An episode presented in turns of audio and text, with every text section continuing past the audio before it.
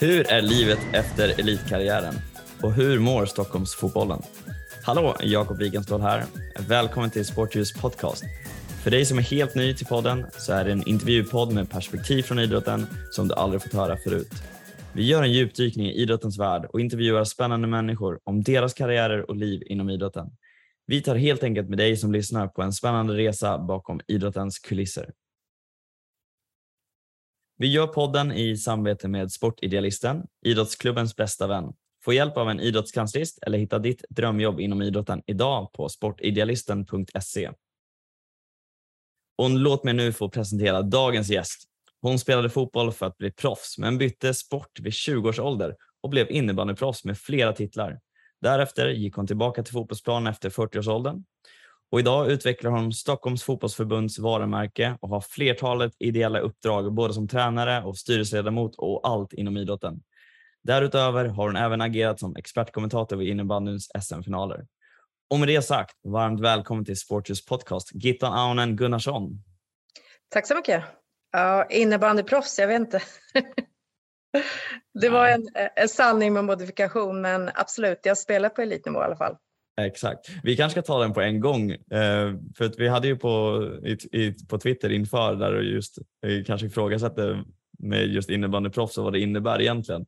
Där du skrev att det är inte att bli rik på sin idrott och definitivt inte att vara bäst på planen. Men eh, för de som inte känner till det riktigt så, vad, vad, vad, du har ju ändå flera titlar. Vi kommer prata mer om det såklart, men just för dig med innebandyproffsvinkeln att inte bli rik och inte bäst på planen, vad, vad innebär, innebär det egentligen? Ja, men det handlar väl om att eh, det var ju rätt länge sedan jag spelade på elitnivå och eh, i alla fall på den tiden så, så handlade det inte om, det var kanske bensinpengar i, i så, i alla fall för mig på den nivån jag var på. Eh, det laget jag spelade var det väl ungefär 11 landslagsspelare ett tag. Eh, och man kan väl säga att det var inte så att jag var den eh, proffset där. Men absolut, jag spelade och jag har mina guld och eh, jag är väldigt stolt över den tiden. Men eh, bäst på plan kanske inte alltid var, men jag var en del av laget, det var jag. Ja, ett proffs behöver inte såklart vara alltid den bästa, men eh, i en lagsport så tycker jag att eh, vi alltid är duktiga på, och vi ska fortsätta med att det är laget före jaget. Ja, jag vet. Jag, det, där, det var det första jag kände, bara, nej men alltså så bra. Nu låter det som att jag är liksom tongivande, men det är klart, jag är liksom superstolt över all framgång där och, och inte minst att tillhöra det storlaget som vi ändå var på den tiden. Ja men verkligen. Vi ska ta det alldeles strax men jag tänker en klassisk fråga jag alltid inleder med någonstans det är ju det här när man tänker tillbaka när man var liten, vad är det första minnet som dyker upp när man tänker på idrott? Eh, det är faktiskt volleyboll, hör och häpna. Jag har en pappa som är jätteengagerad inom idrott och han spelade volleyboll eh, i ett finskt lag. Vi har finskt ursprung. Så att eh, jag och min tvillingsyster som jag har fick följa med på hans matcher och framförallt Gubbängshallen minns jag.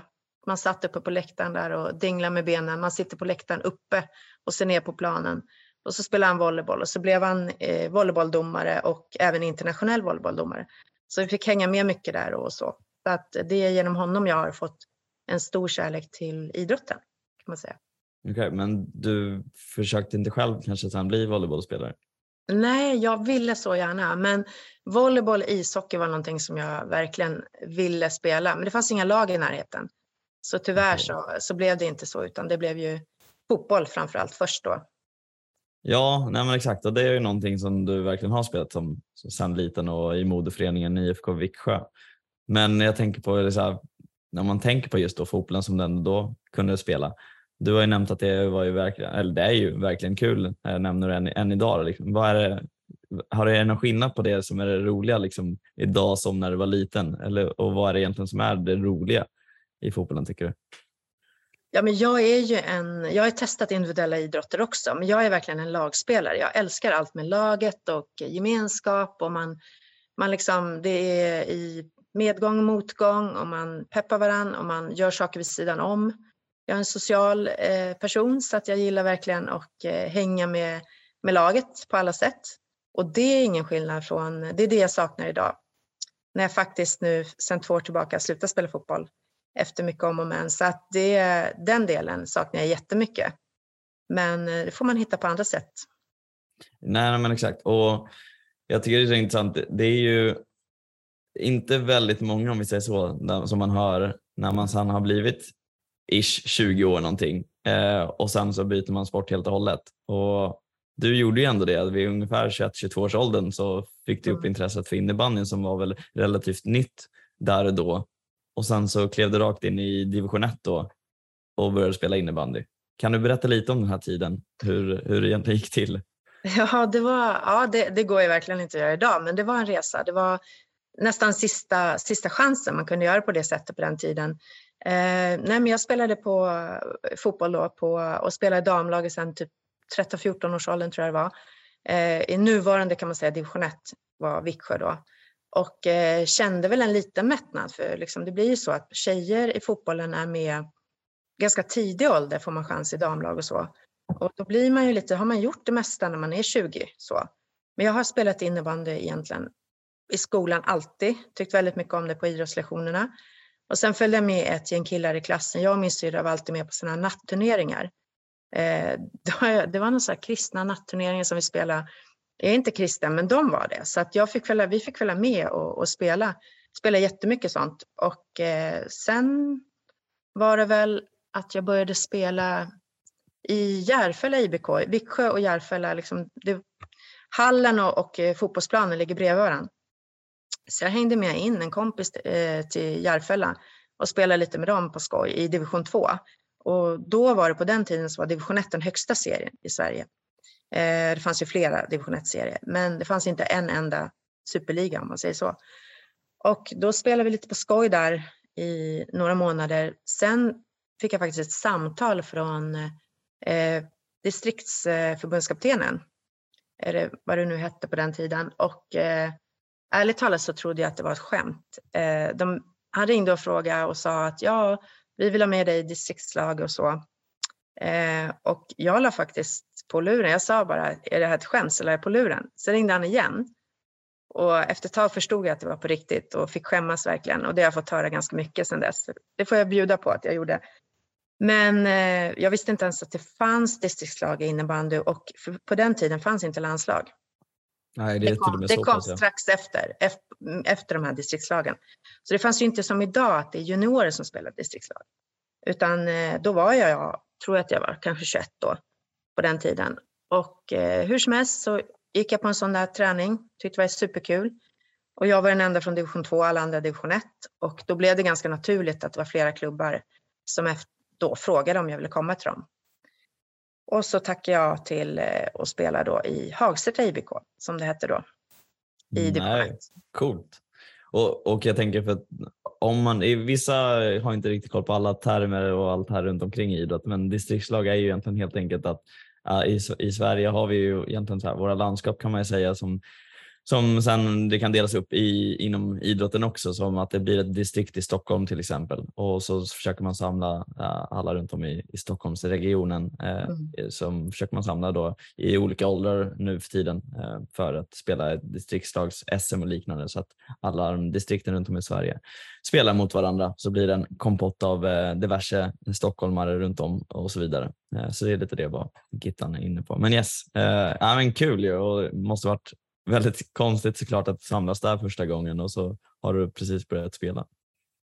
Ja, det, jag tror, jag kommer inte ihåg, men jag tror att det var ett halvår ungefär. Jag hade spelat lite så här i seriespel, men jag spelade samtidigt fotboll då fortfarande. Och Järfälla därför var det okej. Okay men det blev ju inte det efter sen. Att jag kunde ju inte säga att den här helgen vill jag spela fotboll, för säsongerna gick in i varann. Så jag fick ta ett beslut där och då, det var ganska lätt, för jag kände mig mätt på fotbollen och, och såg en någonstans en ny karriär eller ny erfarenhet att spela innebandy och eh, ja, på den vägen är det. Mm, och sen så hamnade du i Högdalen eh, och, och, spelade där och det blev ju egentligen rätt framgångsrika år kan man ju säga med mm. fyra SM-guld och tre Europa-guld, Europacupguld och jag tänker ju så spontant eh, Europamatcherna eh, i sig självt. Hur var det? det, var, det var jätteroligt. Det var nästan roligast av allt. Eh, det, vi spelar ju i, man spelar i olika länder och så, men eh, motståndet var ju inte alltid jättebra. Eh, det var ju alltid en Europacupmästare som, som, som fick spela i damklassen och en svensk mästare. Var det samma lag, då, då var det bara ett svenskt lag, men det var inte alltid det. Så ofta var det ju finalen som var den stora grejen, att då mötte man ju det bästa laget. Det var ofta två svenska lag, även på här sidan. Men eh, det var superkul att, att få vara med i det här internationella och det var väldigt speciellt när man mötte ett, ett ryskt lag till exempel som ja, de stod och dansade på uppvärmningen och liksom med klubborna och vi hade inte riktigt vant oss vid det här. Ja, det var inte kanske alltid lika seriöst som det var i Sverige då. Men det var en rolig erfarenhet.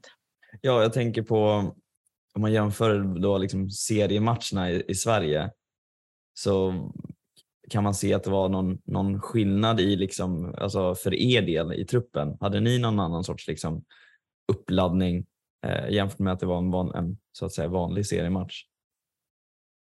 Nej, men det, man, man, kan väl säga att eh, seriematchen är tuffare.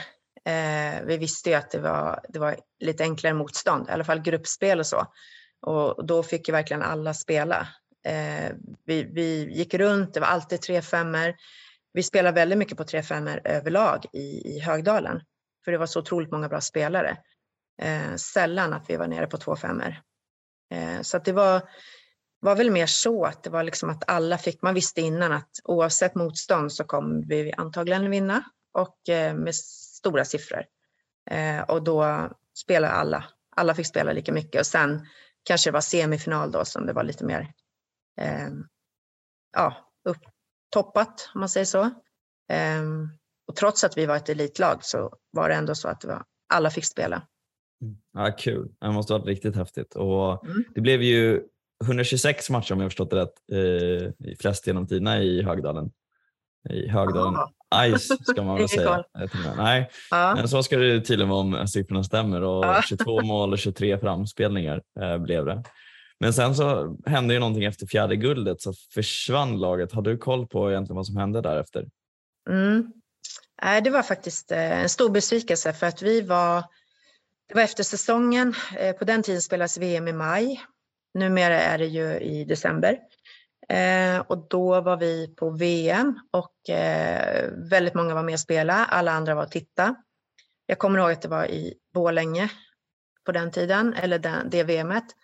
Och då fick vi höra rykten från, vi fick höra snack från andra lag, från andra personer inom innebandyn att det var tråkigt att ni inte kommer spela kvar och vi förstod ingenting.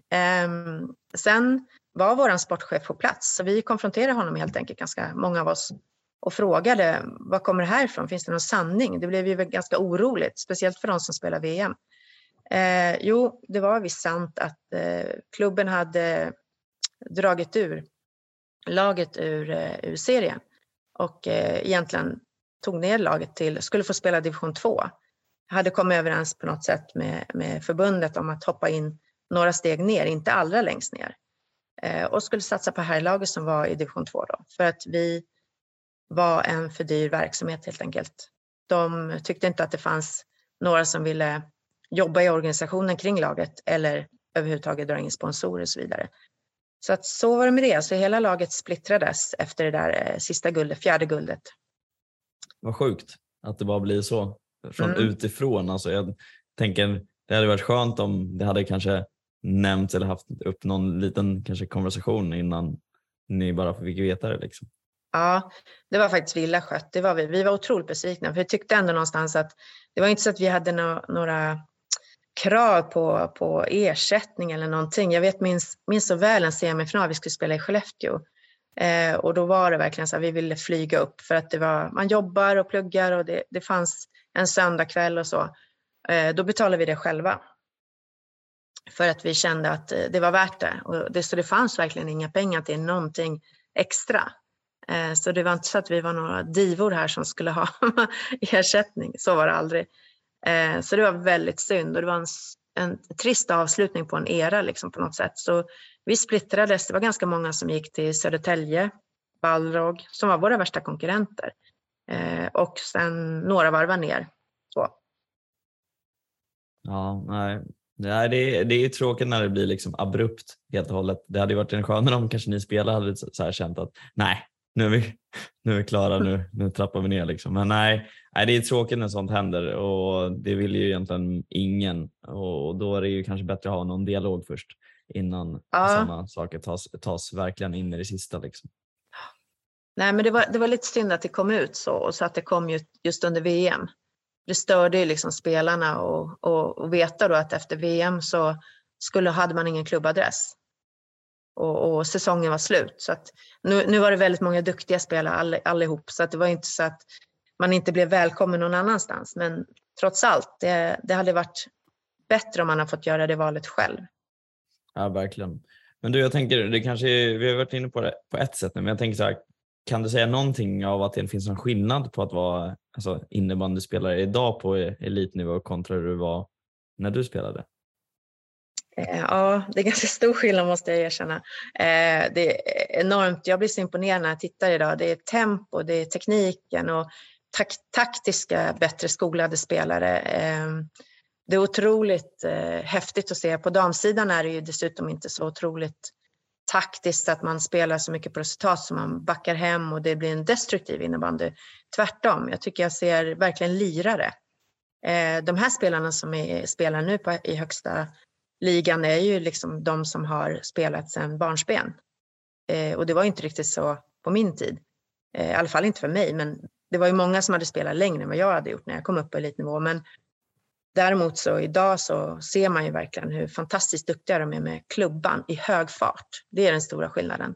Att kunna göra de grejerna som de gör, finterna och, och passningen och det på någon touch eh, i det tempot.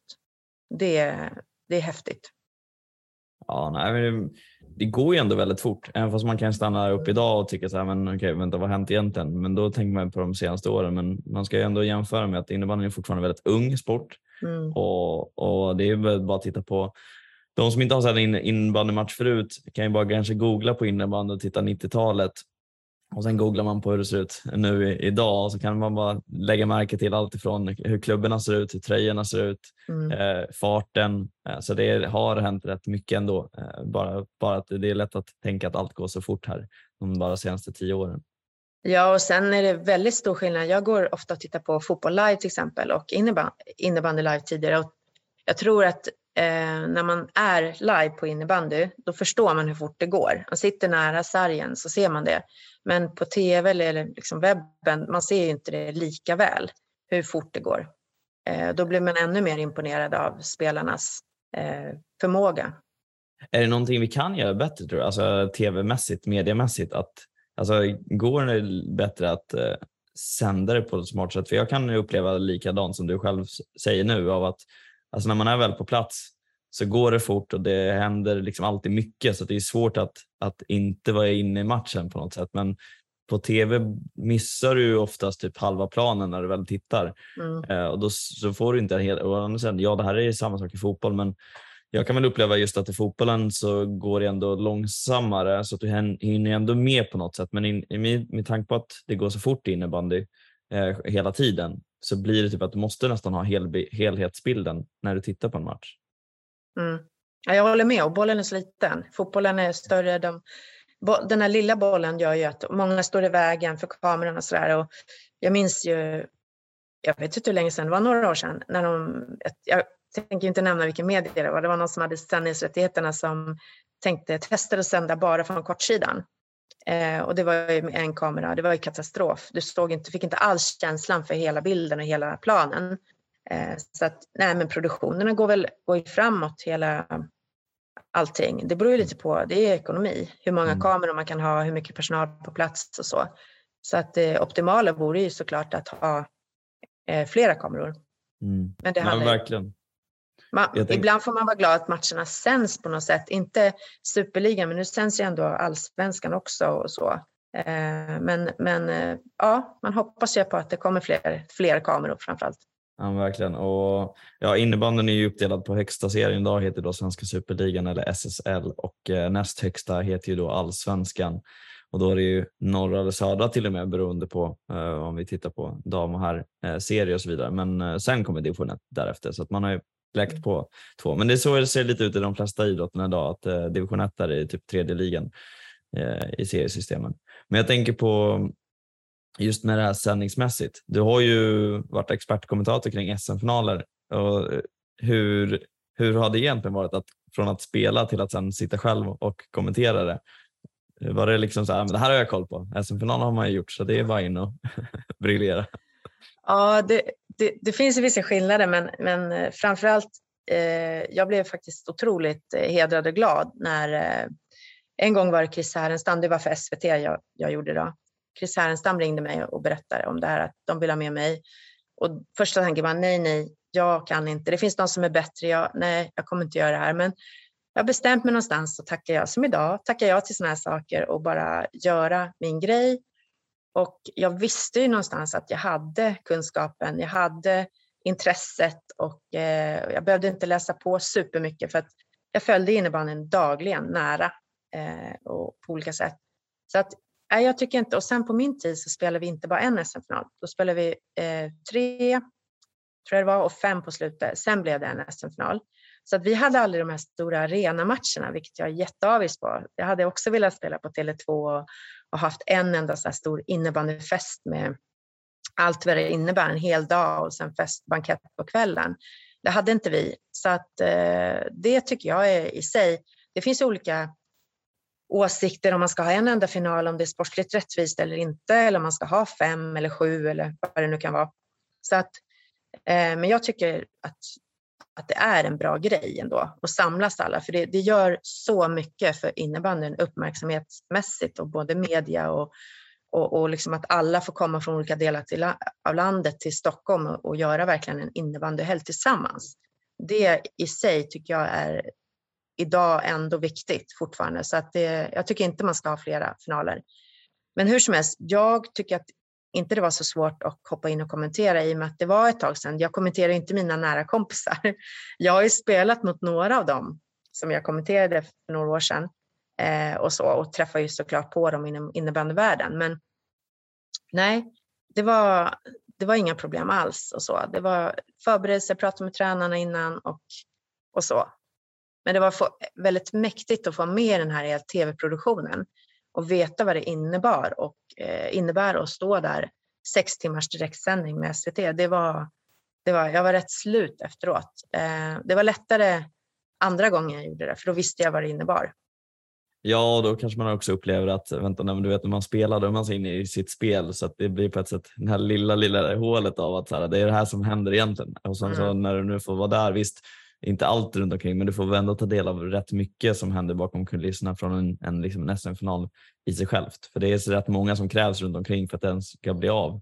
För det mm. första och sen så då just som du säger där sex timmars sändning. Det blir så ja, det var inte en, en match. Det var två matcher som du nästan fick spela fast då kommentera och det tar rätt mycket energi. Det måste man ju nog förstå, men det är inte så lätt när man bara tittar på från en tv-skärm.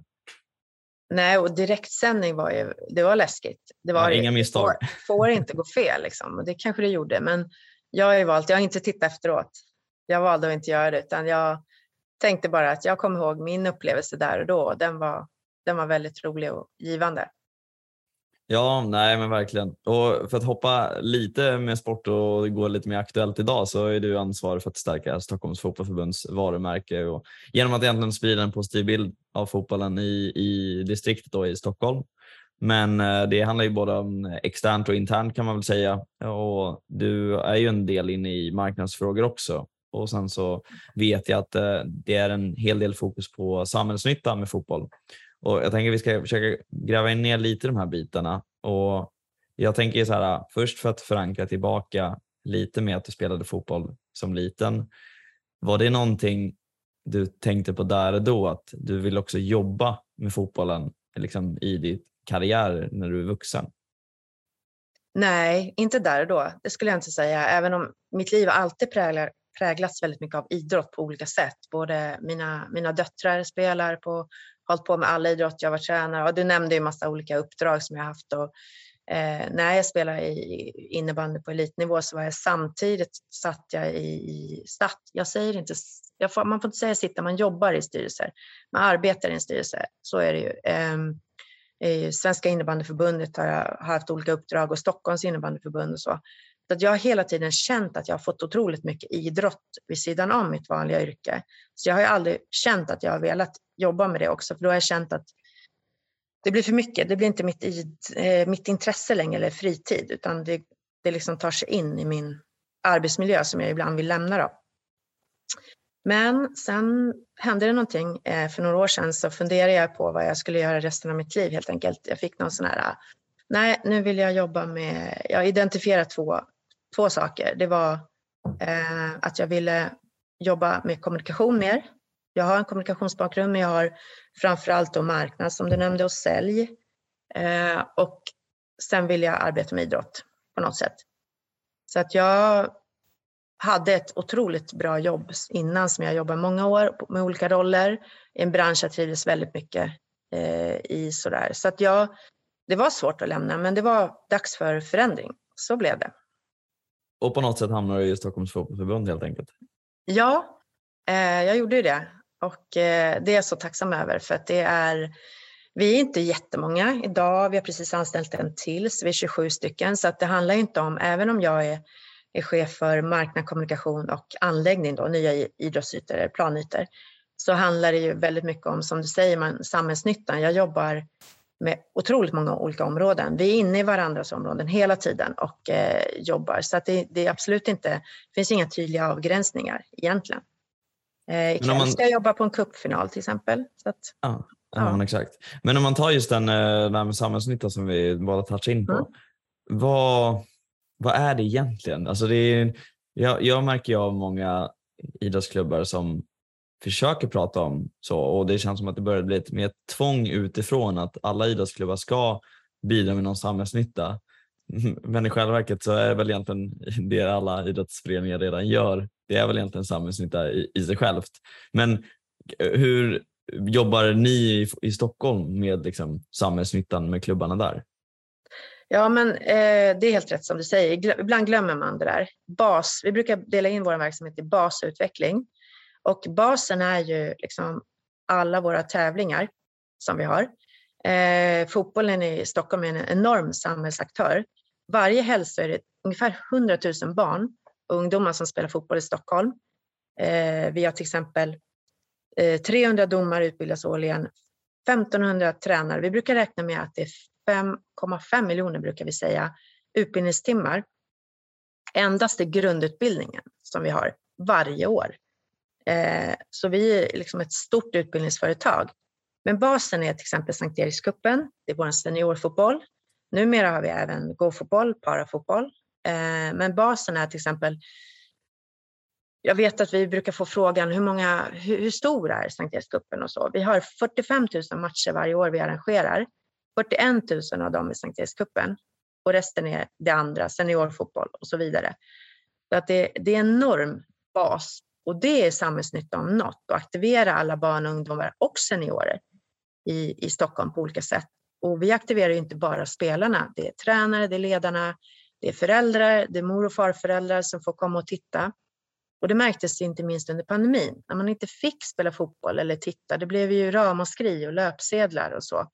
Så att vi är en, en enorm eh, folkhälsoverksamhet eh, i bara vår basverksamhet.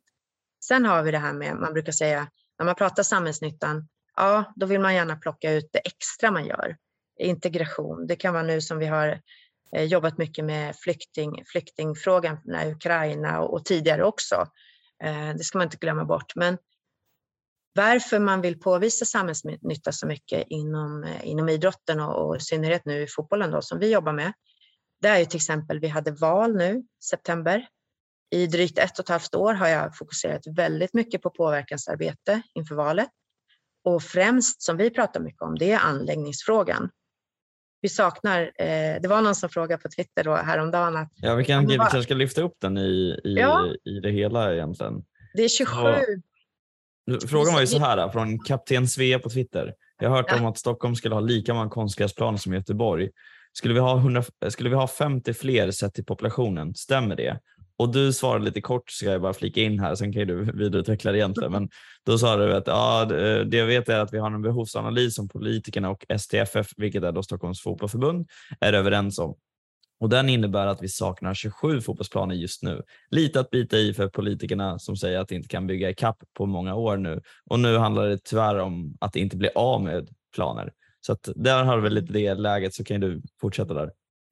Nej, men så här är det ju. Alla, alla vet ju att det, anläggningsbristen i Stockholm är ett, ett enormt problem. Eh, alla som vill eh, spela fotboll kan, får inte det eh, av olika orsaker och eh, den stora frågan är planbristen.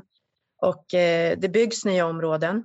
Eh, Djurgårdsstaden, Hagastan, vi har innerstaden men även utanför eh, olika bostadsområden.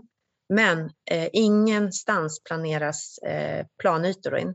Varken, verk, varken hallar eller Eh, idrottsplaner, ytor. Så att det, det är ett enormt problem. Att, eh, det jobbar vi med. Vi har en, en kollega till mig som jobbar med det heltid. Så inför valet har vi haft det uppe Eh, anläggningsbristen har ju varit en av våra stora frågor eh, där vi har pratat med politiker. Vi har ordnat olika panelsamtal, ordförandeträffar och så vidare. Och jag ska säga att vi samarbetar även med de andra idrotterna. För här handlar det om eh, kraften i att vi gör någonting gemensamt. Inte att det är just vi, fotbollen, får våra ytor. Vi behöver hallar till även handbollen, innebandyn och så vidare, simhallar. Eh, utan vi får komma överens om vems tur är i ordningen kan man säga och, och visa det för kommunerna och politikerna att det här behöver vi. Och för att återgå då till den här planytan. Ja, det finns en behovsanalys gjord eh, som vi har varit väldigt drivande i Eh, och nu har politikerna då, eh, framförallt Karin, Karin Ernlund som har varit idrottsborgarråd då, har ju accepterat den och sagt att ja, det är de här siffrorna som gäller och då är det 27 planer, fotbollsplaner som saknas i Stockholm för att vi ska vara i kapp. Eh, och nu just nu så är det nästan så att vi tappar plan, planer. Eh, det byggs bostäder, det, det, är en fotbollsplan som inte ersätts och så. Eh, och det, det är ett stort problem. Men det är inte bara, det är inte bara anläggningsbristen vi jobbar med, vi jobbar med ledarförsörjningen också. Eh, att vi måste ha de, de ideella krafterna kvar på något sätt och de måste stöttas eh, av kommuner och staden. Har vi inga ledare, har de inte möjlighet för våra föreningar att växa och ta emot alla barn eh, så kommer inte heller eh, samhällsnyttan att finnas. Nej, och har vi har du något exempel du kan, som du kommer upp direkt i huvudet, där, alltså något exempel på där en fotbollsklubb pratar och jobbar med samhällsnyttan utöver att man bara gör alltså det vardagliga? Försöker man göra något extra? Liksom? Ja, och vi har många. Jag ska säga det, jag är otroligt imponerad av de eh, krafterna som finns där ute i föreningarna för att det är ju inte lätt som du säger. Man ska ta hand om basverksamheten, man ska se till att alla får spela fotboll och ledare och träningstider och det allt. Eh, och sen läggs det på. Eh, man startar gåfotboll, man startar parafotboll och vi ikväll har vi en parafotbollsträff med massor av nya föreningar som, som vill starta. Det är helt fantastiskt när, när det sker så. Eh, sen har vi integrationen. Vi har Norrtulls SK, innerstadsklubb, eh, som tillsammans med till exempel Karlberg då, som har, eh, de, har, de har jättetufft med, med planyta. Ändå så ser de till och hela tiden eh, har gjort jättemycket för de ukrainska flyktingarna. De gör otroligt mycket för, de har startat streetfotboll. I somras hade de streetfotboll och, och, och samarbetar, Karlberg samarbetar med Sätra för integration då, så tjej, de har olika tjejsamarbeten. De får träffa varandra, de här tjejlagen. Och eh, ja, det, men det är många föreningar, jag ska säga. Det här var bara några innerstadsföreningar, men sen är det många andra. Eh, mm. Och de, de är som sagt drar ett stort lass i samhället. Mm, nej, men det, och det, det kan jag tänka mig. Det är ju rätt många du har ju själv varit inne på det är rätt många matcher i sig själv som spelas i Stockholmsområdet så då kan man bara tänka sig att det är såklart inte ett eller två lag det handlar om. Det är rätt många. Så det är klart. Men det är jättebra att få bara fram någonting så att man kan få en mer bild av det. Eh, och det här kan man ju säkert läsa mer om samhällsnytta i sig självt. Det, brukar, det börjar dyka upp mer och mer innehåll kan jag tycka som, eh, där man kan ta inspiration. Så det är eh, bara egentligen göra en snabb googling och typ skriva liksom samhällsnytta fotboll så tror jag man kommer få upp rätt mycket bara det. Eh, men det är, det är någonting som sätts större förväntningar på märker man nu på bland klubbar? Där vill jag lägga till verkligen att man, man, man kan titta på stff.se som var en hemsida. Där har vi samlat, där har vi en, en sida full med länkar och det är goda exempel. En förening kan räkna ut sitt SROI, alltså Social Return of Investment. Och då kan man också påvisa tydliga siffror vad man gör eh, när man har kontakter med kommunen och politiker i sin lokala del. Då. Eh, vi har jättemycket tips där. Det är otroligt många så checklistor hur man skriver en pressrelease och hur man gör allting från bas till lite mer avancerat vad man vill göra. Klockrent. Den eh, kommer finnas nu. Just nu när du lyssnar så är det bara att klicka upp avsnittsbeskrivningen så finns det länk där. Så det är superbra. Du, eh, för att komma ner på slutet på alltihopa. Eh, jag vill ändå få med här lite mer kring stärkandet av Stockholms fotbollsförbund som du jobbar med. Det är ju då egentligen hela din roll i de här olika som du tog upp. Men utöver det samhällsnytta, vad är, liksom, vad är något exempel som gör att du stärker, med, mer stärker liksom varumärket för Stockholms fotbollsförbund? Utöver samhällsnytta som du redan har tagit upp. Du menar vad jag gör eller vad vi gör? Som... Ja, nej, nej, men du som i, i din roll. Liksom. I min roll? Nej, men jag kan säga eh, vi har ju mitt arbete och min grupp som jag jobbar med. Vi jobbar väldigt mycket kommunikation framför allt Eh, marknadsdelen är en sak, anläggningen en annan sak. Men eh, kommunikationen handlar om att vis, visa eh, hela våran eh, spektrum, vad vi gör. Eh, om man följer oss i sociala medier till exempel så handlar det mycket om, vi blandar nöj, eh, nöje, nyheter, nytta. Jag brukar säga det hela tiden. Det finns saker som alla inte är jätteintresserade av när ett årsmöte är eller så, men då blandar vi in saker som andra delar och då får man följa allting alla får liksom all information. Och eh, om man säger så här, varumärke, jag ska säga, i vår, vi är en organisation, vi pratar sällan om varumärke för att det är inte egentligen förbundet som är i centrum, det är våra föreningar. Det är de vi fokuserar på. De är de som vi lyssnar hela tiden, vad har de för behov? Vad är det de behöver hjälp med? För de har spelarna, tränarna, föräldrarna, allting. Så vi hela tiden skapar olika nätverk, forum, eh, det har blivit otroligt mer utåtriktat arbete de senaste åren från vårt håll. Jag har varit på förbundet nu i fyra år och eh, det bara växer varje år hur vi jobbar med föreningarna, mycket med mer föreningar, inte mot föreningar utan med.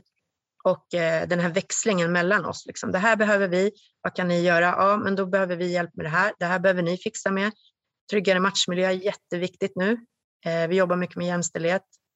Eh, vi har eh, Svenska Fotbollförbundet jobbar med någonting som heter SUB 2.0. Det är alltså fotbollsutveckling ute hos föreningen. Vi ska utåt nu. Vi ska anställa fotbollsutvecklare som är ute hos föreningarna. Vi utbildar ledarna mycket mer för då blir det bättre på alla delar. Man kan tro det här med, jag såg att det var någon som ställde en fråga om elit och bredd också, hur vi jobbar med det. Alla föreningar är välkomna hos oss i vårt arbete. Vi jobbar med alla föreningar. Alla har inte bara bredd eller bara elit, utan en så stor förening som BP som gick upp på allsvenskan igår med sitt herrlag. Eh, de, har ju, de är ju 3000 medlemmar, de har ju både bredd och elit. Man glömmer det ibland. Och vi jobbar med alla föreningar, alla är välkomna hos oss. Men det är ibland en utmaning i hur man arbetar med alla frågor hos alla föreningar. Vi får hjälpa alla på olika nivåer helt enkelt. Ja, det, det måste vara dilemmat just för att mm. en elitinriktad klubb, de kräver en sak. En breddinriktad klubb kräver en annan sak. Mm. När du har mixen dessutom, då är det så här, ja, du skulle på ett sätt bara kunna slänga fram buffén av alltihopa, men det kommer inte hjälpa klubbarna där och då för att du måste ändå individen passa i men, men vad, vilka är utmaningar? Okej, för de här då kanske vi ska fokusera på det för de här, då, vilket gör att mm. ni kan inte bara generellt sett, om jag tolkar det rätt, kan inte ni bara skicka ut till alla klubbar här, tänk så här, för då blir det så här, det här gäller inte alla, så det blir inte, då blir man ju mer trött som klubb om man mottar nyheter och information om något som inte gäller en själv och så, så tänker man, händer det varje gång så blir det så här, ja, för, för hur logiskt är det här för oss? Och så tappar man kanske energin i det hela. Så det gäller ju nog, jag tycker det är jätteintressant det med att ni faktiskt fokuserar mer på att skicka ut folk för att man är redan så stressad idag med tiden så att mm. om det är någonting vi kan göra så är det faktiskt kanske möta upp där man är istället. Ja, för nu, man, vi har ju kommit där i samhället överlag att eh, det här ideella och hjälpa till och vi, vi vet ju hur det är i skolan till exempel. Det, det är väldigt mycket privata aktörer, läxhjälpslösning och allt vad det är. De som har medel, råd, de kan ta in till sina barn och hjälpa till. Hinner man inte själv eller kan man inte, det är inte så lätt alltid, eh, så kan man ta in hjälpen. Och där har vi hamnat i idrotten.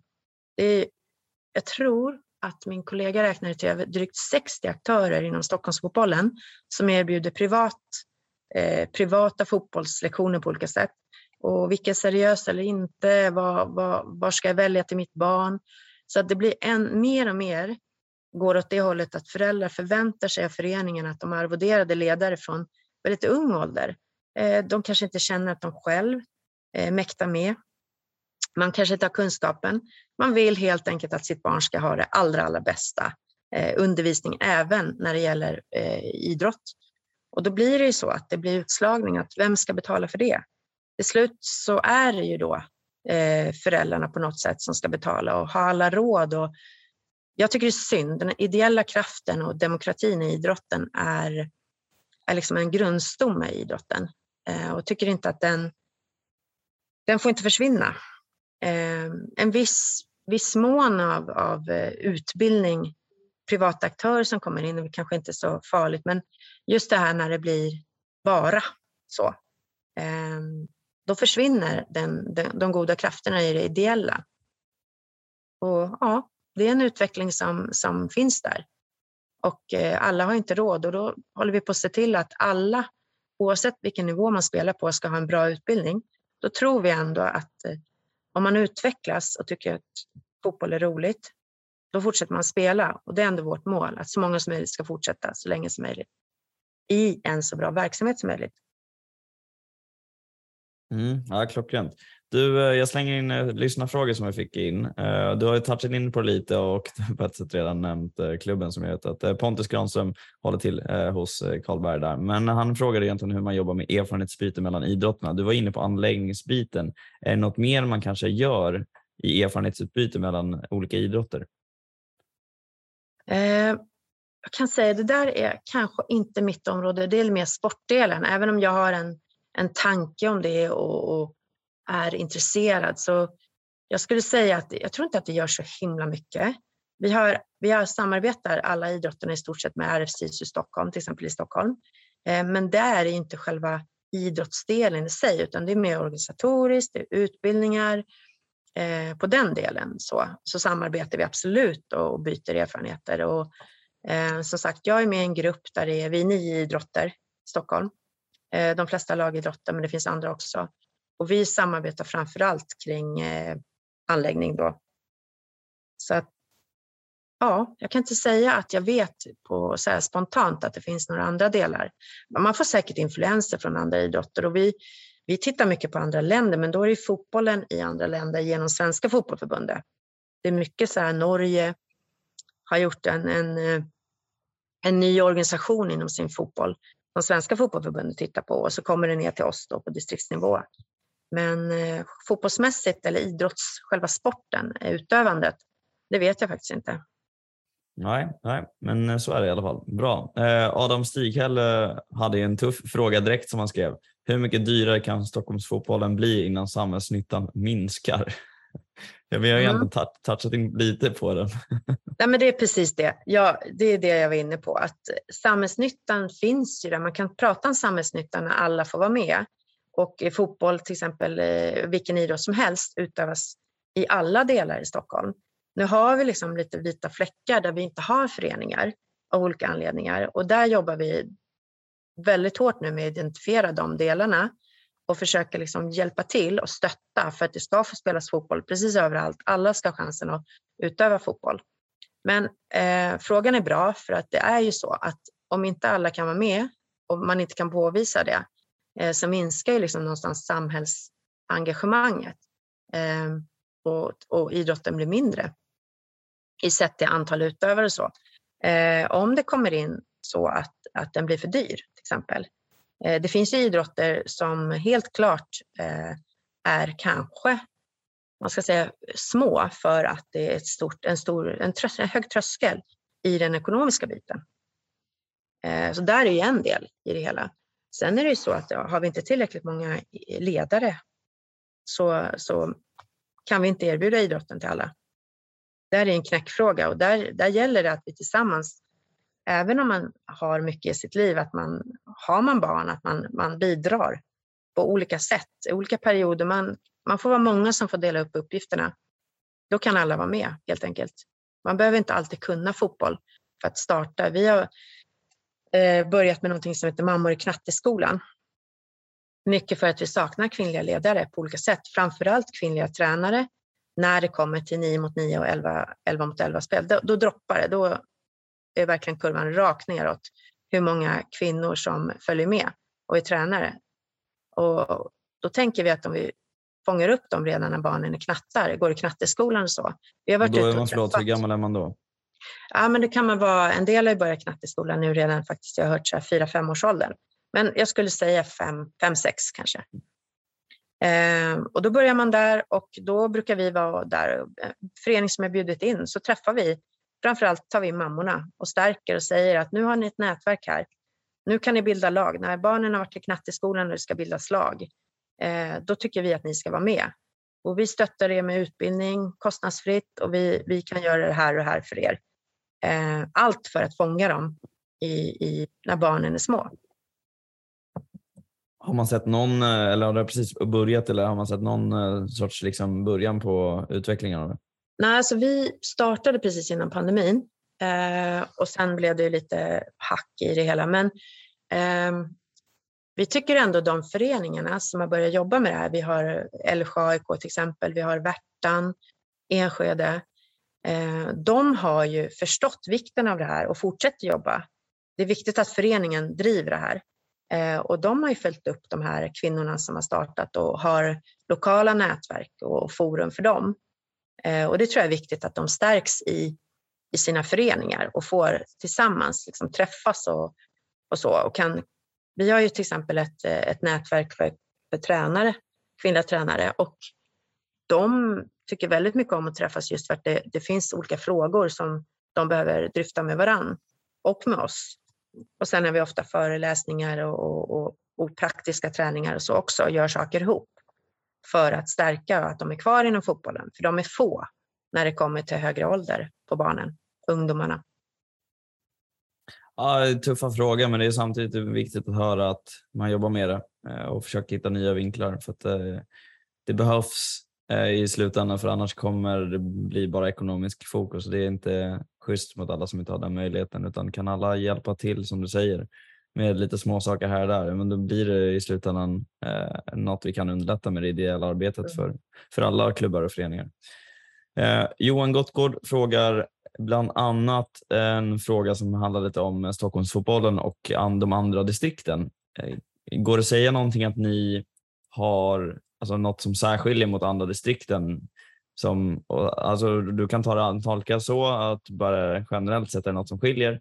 Men annars om man kan vrida det kanske till att är det något som ni gör eh, lite själva i distriktet kontra de andra som ni jobbar på? Ja, man kan väl säga så här. Det, det är, eh, vi är ju 24 distrikt och eh, vi samarbetar med Gotland. Vi är största distriktet och minsta distriktet och vi har ju verkligen olika utmaningar och möjligheter. Eh, vi var på konferens nu för någon vecka sedan tillsammans med Gotland och eh, där finns det mycket planer som helst. Eh, här finns inte det. Vi har fler spelare, färre spelare, det är färre föreningar. Men om man säger så här, i svensk fotboll ungefär, det beror på hur man räknar, men om man tittar på antal utövare och så, så är vi mellan 25 till 27 procent av svensk fotboll. Det är ganska mycket. Vi har eh, tittat på det finns något som heter föreningslista inom svensk fotboll. Eh, största föreningarna, då har ju Stockholm då plats 1 till 35. Sen kommer det någon annan. Sen kommer 20 föreningar till från Stockholm. Så att även om inte vi har så många föreningar, vi har, jag tror att vi har 384 föreningar eller någonting. Eh, och sen, jag tror Småland är, har någonting på 360, har jag hört en siffra. Då kan vi tycka så här, jaha, men då är vi ganska lika stora. Men det är just det med den här föreningslistan, att våra föreningar är så mycket större. Visst har vi föreningar som är eh, ett seniorlag bara, eller två. Så. Eh, men vi har enorma föreningar Vi har Europas största förening i BP. Sollentuna är nästan lika stor. Så att den stora skillnaden tror jag med de andra distrikten är det är den, den enorma mängden i allting vi ska göra. Eh, många tycker att ja, men gör en, höst, en vårserie, en höstserie, så får man välja om. Så här, vi har ju nivåer då. Man kan säga lätt, medel svår, extra svår och så. Eh, beroende på, och det, man väljer själv vilken nivå man anmäler sig till. Och så, det gör man ju redan det valet i december. Och så kanske man känner i maj, nej men det här blev ju inte riktigt så här. Vi, vi är för få spelare, nu vill vi välja om. Då kan man inte liksom det, för vår serie är redan satt. Eh, jag tänkte på det, jag tror att eh, nu ska vi se, jag tror att innebanden har 800 eh, vad har vi, 6400 lag, jag tror de har 800 om jag minns rätt. Då kan man göra så Eh, ganska mycket enklare att välja och byta och vara mer flexibla. Vi har svårt att vara flexibla, vilket vi tycker är lite jobbigt, för det skulle vi gärna vara. Eh, men det är svårt. Så att om man säger mot de andra distrikten, vi samarbetar i stora frågor. Jag hade senast igår kontakt med Skåne eh, angående lite marknadsfrågor. Det här med eh, filma barn eller inte och så. Hur jobbar ni? Då kan vi absolut prata med varandra och så. Men ibland blir det svårare det här med mängden. Och i, i vissa städer så finns det eh, kanske ett elitlag på här sidan, ett på dam och de tar spelare från, eh, från klubbarna när de är 15 år. Då går man de bästa dit, det är naturligt. Medan vi har akademiverksamhet, vi har brukar säga så ambitionsföreningar som ligger under där. Eh, och det blir mycket tydligare, eh, kanske mer resultatfokus eh, tidigt. Eh, jag vet inte, det är, det är en generell, generell åsikt, liksom man ska säga, att det, det, blir, det är lite hetsigare i Stockholmsfotbollen när det gäller Eh, resultatfokus. Generellt, inte hos alla, inte alls så, men det, det är tufft, måste man bita i. Liksom. Bredd, elit då. Vi jobbar med allt. Det är inte alltid så lätt hur vi ska göra det. Alla tycker inte att, eh, att de inom elit gör rätt och tvärtom och, och så. Det, men vi jobba på helt enkelt och försöka tillgodose liksom allas behov. Ja, nej, men det måste ju såklart vara en kontrast när man har en fjärdedel av, av eh, alla i landet såklart. Eh, det är eh, intressant med att ha en jämförelse med Gotland som är kanske då mot, motsatsen. Men det är lärorikt i sig självt tror jag för oss alla med de utbyten. Jag tänker avslutningsvis, hur kan man kontakta dig eller följa dig framöver efter det här? Ja, det är väl framförallt fotbollsfrågorna är väl Twitter skulle jag säga. Där är jag ganska aktiv med att och sprida lite av det vi gör, eh, i, framförallt det jag jobbar med, men sprida lite goda exempel som jag hoppas vi har ändå. Eh, och där får man gärna diskutera och lämna förslag och, och ha åsikter om vad vi gör. Och jag kan inte stå för allt det Stockholmsfotbollen är en enorm, men det är i alla fall det jag berättat om idag är i alla fall lite av det vi gör, hur vi tänker. Sen är vi otroligt, jag har ju många kollegor och vi gör, eh, försöker göra allt vi kan för att eh, Stockholmsfotbollen ska vara så bra som möjligt. Men det finns säkerligen mycket som vi kan förbättra och, och ni får gärna tipsa om, om eh, sånt helt enkelt. Ja men klockrent och det finns också såklart med i, i avsnittbeskrivningen så att det är bara klicka in där. Eh, strålande, men du vi har nått slutet av eh, samtalet även, även fast man kan prata hur mycket som helst. Men jag vill verkligen tacka dig Gittan för att du har delat med dig av eh, dina erfarenheter, tips och tricks på, på vägen och det ska bli spännande att fortsätta följa hela resan. Och eh, ja, jag vill också passa på att tacka alla lyssnare som är med oss eh, varje avsnitt fram och tillbaka. Och Ja, det finns ju mycket lärdom att ta med sig från vad du säger Gittan och jag tänker eh, mycket av någonstans det du berättar är ju att eh, vi måste hjälpas åt för att eh, ta i det här fallet liksom fotbollen framåt och tittar man tillbaka till innebandyresan så är det lite samma sak där. Det är ju en lagsport i sig självt av att för att komma framåt och krävs det den här flygresan så måste man kanske ta det tillsammans först för att se att det ska vara möjligt för att vi måste respektera omgivningen och att eh, alla har inte möjlighet eh, alltid att eh, klubbar kan betala allting och vi kan också ta bara e-, Europamatcher, att det finns olika kulturer och det handlar om att vara nyfiken på det mesta egentligen. Så det är superintressant och har du något mer du vill skicka med innan vi helt stänger ner? Nej, det har jag nog inte. Jag minns knappt vad jag sagt. Men ja, tack för att jag fick vara med. Jag hoppas att det blir en intressant lyssning. Mm, ja, men strålande. Och då skickar jag med som avslutning här till eh, alla som lyssnar att eh, glöm inte att prenumerera eh, på podden vart du än lyssnar så att du får med nästa avsnitt som dyker upp och eh, kan du ge omdöme så gör gärna det så att fler får chansen att ta del av alla möjligheter som finns inom idrotten för det är mycket av syftet vi gör här så att eh, man ska se att det finns mer än bara det vi, vi hör från eh, tv eller radio så att det finns alla olika möjliga roller där ute som man kanske inte känner till. Och kontaktuppgifter finns i avsnittsbeskrivningen och eh, skicka tips på Instagram, Sportljus podcast för fler gäster eller ämnen som vi ska ta upp. Och eh, med det sagt så tackar vi för oss och önskar dig Gittan och alla där ute en, en underbar dag eller kväll eller morgon vart man än befinner sig i tidszonen. Så får ni ha det så bäst så säger vi så. Ciao!